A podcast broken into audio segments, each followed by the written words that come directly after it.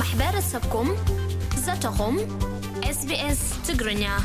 ሰማዕትና ሰማዕቲ ረድዮ ስፔስ ሎሚ ዕድም ትላትኒ ንሳ ድማ ወይዘሮ ናጅዋ ያሲን ካብዚ ካብ መልበርን ቪክቶርያ ኣብ ዝቅርብ እዋን ሓደ ማሕበራዊ ትካል ወይ ሶሻል ኢንተርፕራይዝ ኣቑማ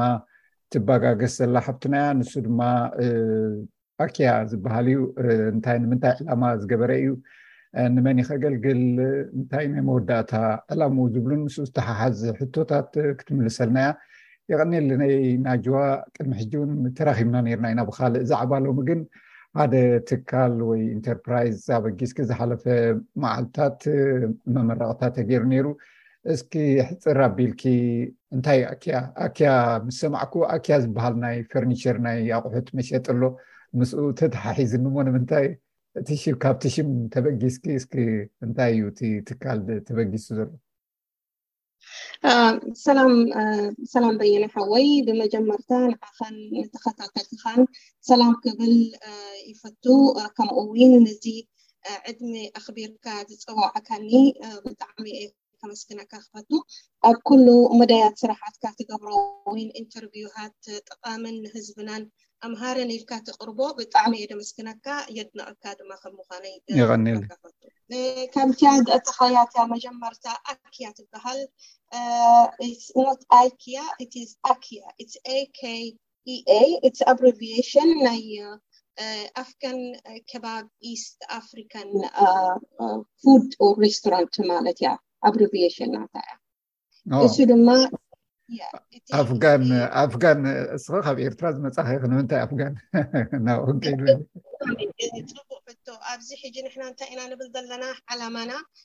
ኢንተግሬሽን ክንገብር እንከለና ኣብ ሓደ ዓዲ መፂእና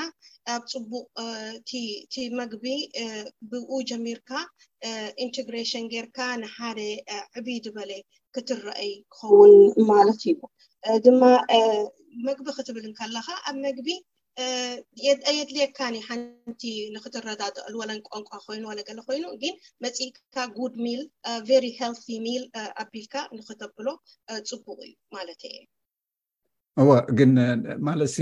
ብፍላይ ንኣፍጋን ንምንታይ ማለት ካልእ ዝተፈላለዩ ምግብታት ኣሎ ናይ ሊባንን ኣሎ ንገዛ ርሱ ናይ ኤርትራ ናይ ኣፍሪቃ ኣሎ ንምንታይ ብፍሉይ ኣፍጋን ተመሪፂ ማለት እየ ፅቡቅ ፅቡቅ ኣፍጋን ክበሃል እንከሎ እቲ ሬስቶራንት ባዕሉ ናይ ኣፍጋን እዩ ነይሩ ኣብ መጀመርታገስ እዩ ሓንቲ እዚኣ እያ ግን እቲ ኣፍጋን ማለት ሄልቲ ፉድ ከም ዘለዎም ካብኡ ኣነ ከስተመር እየ ነይረ ባዕለ እቲ ብናቶም ብጣዕሚ ሄልቲ እዩ ሓንቲ ደይብሉ ብጣዕሚ ኣብ ታሽሙ ተጠቢሱ ዝብላዕ እዩ ናቹራል ሓንቲ ኣደ ደይብሉ እዩ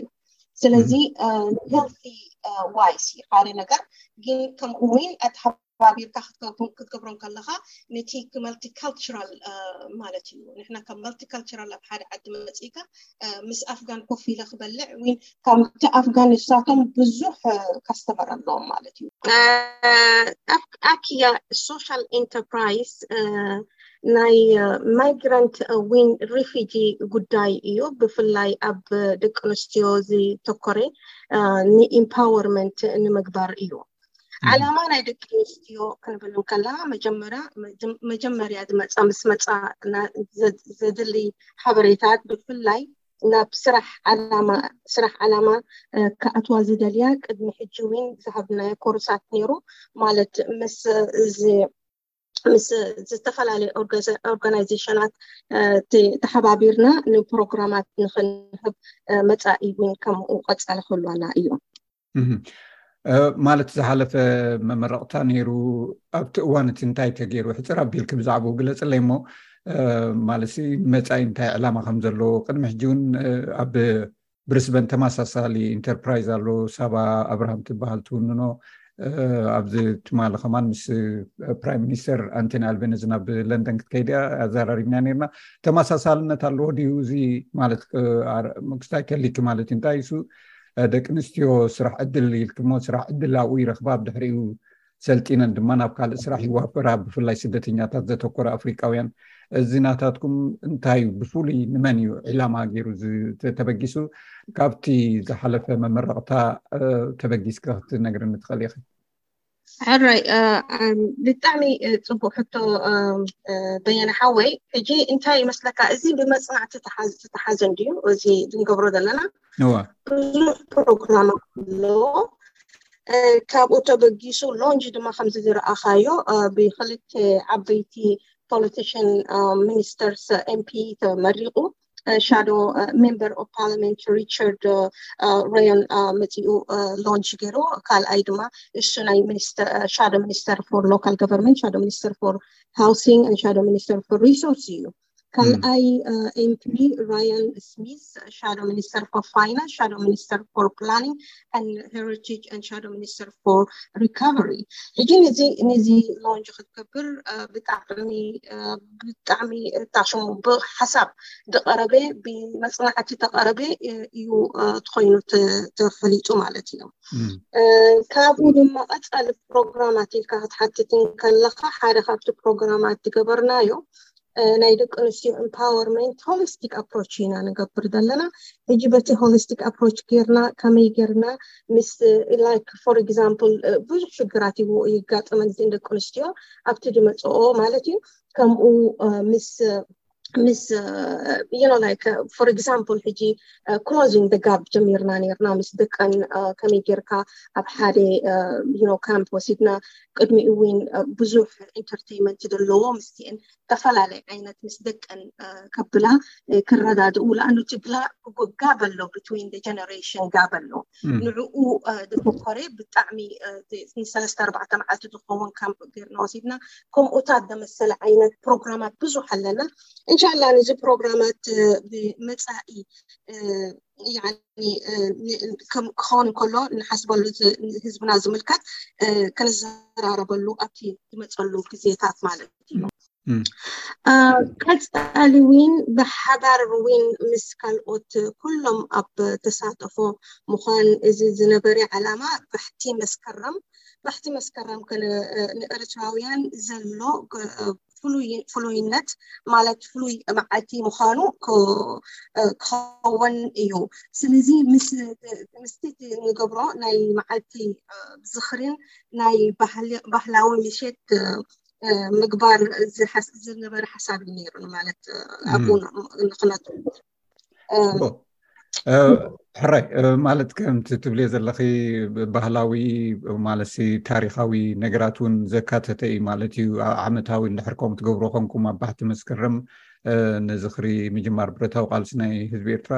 ኣብኡ እውን ባህላዊ ምሸት እውን ከም ዝገበርኩም ኢኺ ትነግርኒ ዘለኺ ስለዚ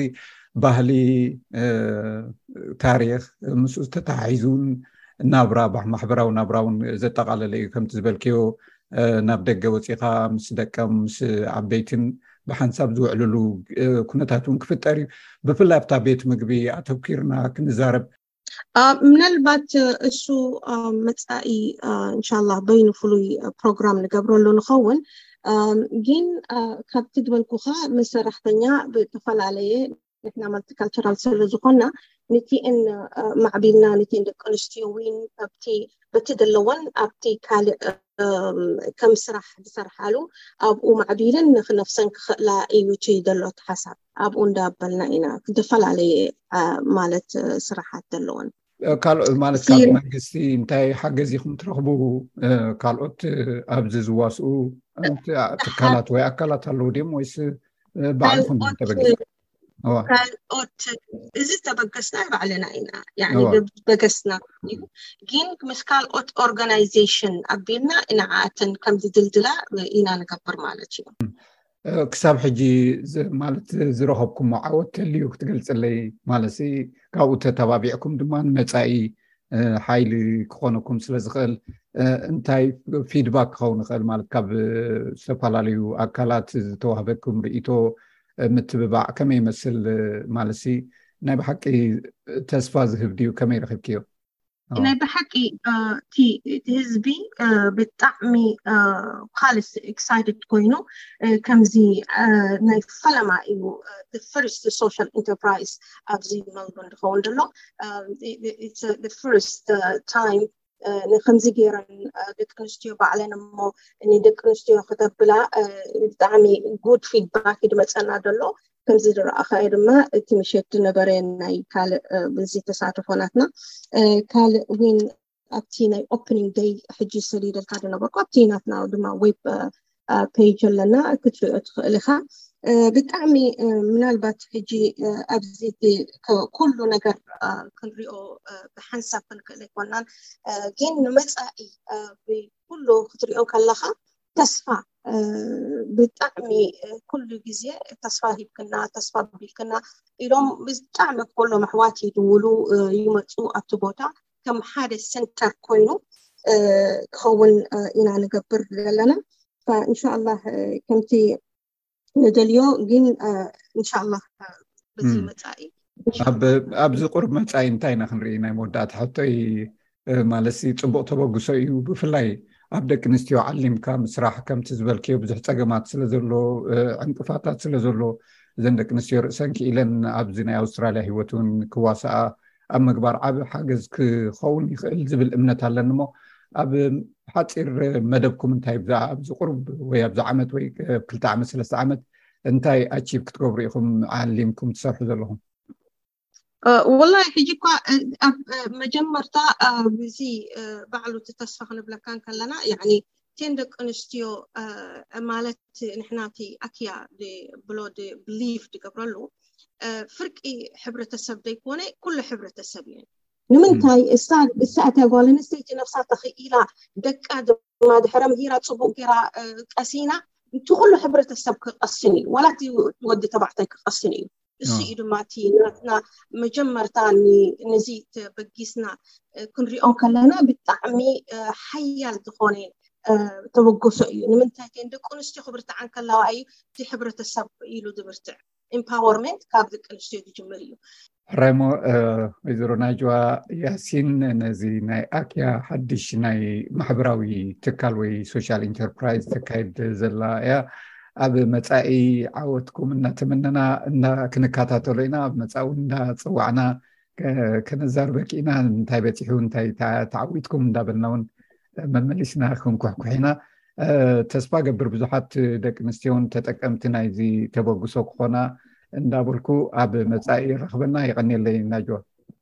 እዚ የቀንየለይ ሓንቲ ታሽሙ ምልቅን ምምዕፃውና በየነ ሓወይ ብዙሕ ከምዚኣ ዝበልኩካ ናይቲ መሸዲ ነበረ ብጣዕሚ በዚ ሓበሬታ ካሕልፍ ማለት እዩ ከምኡ ቀፃሊ ኢቭኒንግ ናይ መሸዲ ነበረና ቀፃሊ እንሻላ ኮሚቲ ወፂኣ ኣላ ከምኡ ምሽት ናይ እታ ሽሙ ኮይኑ ናይ ባህላዊ ምሸት ክነሕልፍ ኣብ ሰሙን ድያ ኣብ ክልተ ሰሙን ድያ ኣብ ወርሒ እቲ ኮሚቴ ባዕሉ ዩ ክውስኑ እዩ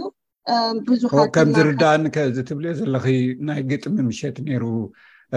ፍሉጣት ሙዚቀኛታት ከም በዓል ኣሕመድ እውን ኣብኡ ማለት ናይ ሙዚቃ ነገራት እውን ኣርእዮም ግጥምታት ነይሩ በዓል መናል ያሲን ዝተረኽባሉ ዝነበረ ኮይኑ ተሰሚዑ በዓል ተውፊቅ ስለዚ ከምዚ ዓይነት ማለት ግድዩ ናይ ባህሊ ናይ ስነ ፅሑፍ ናይ ግጥሚ ምሸት ዝካየደሉ እዎ እዚ